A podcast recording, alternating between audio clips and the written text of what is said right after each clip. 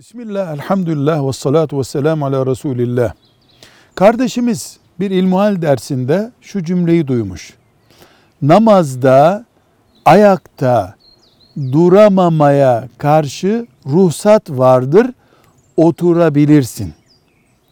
Ruhsat vardır yani sen özürlü kabul edilirsin demiş. Ama ayakta duramamak ne demek? Durmak istemiyorsun mu demek? Hayır. Bir, fiilen ayakta duramıyor.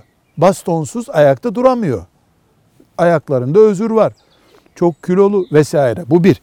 İki, durduğu zaman ayakta hastalığı artıyor. Üç, iyileşmesi gecikiyor. Mesela ayağına basmayacaksın diyor doktor. Üç ay.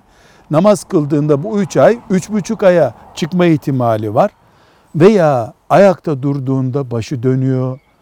Ayakta durduğundan dolayı ciddi sıkıntı çekiyor. Buna ayakta durmaya engel ruhsat altyapın var demek istiyoruz. Bu oturarak da kılsa Allah onu ayakta kılmış gibi kabul buyurur inşallah. Velhamdülillahi Rabbil Alemin.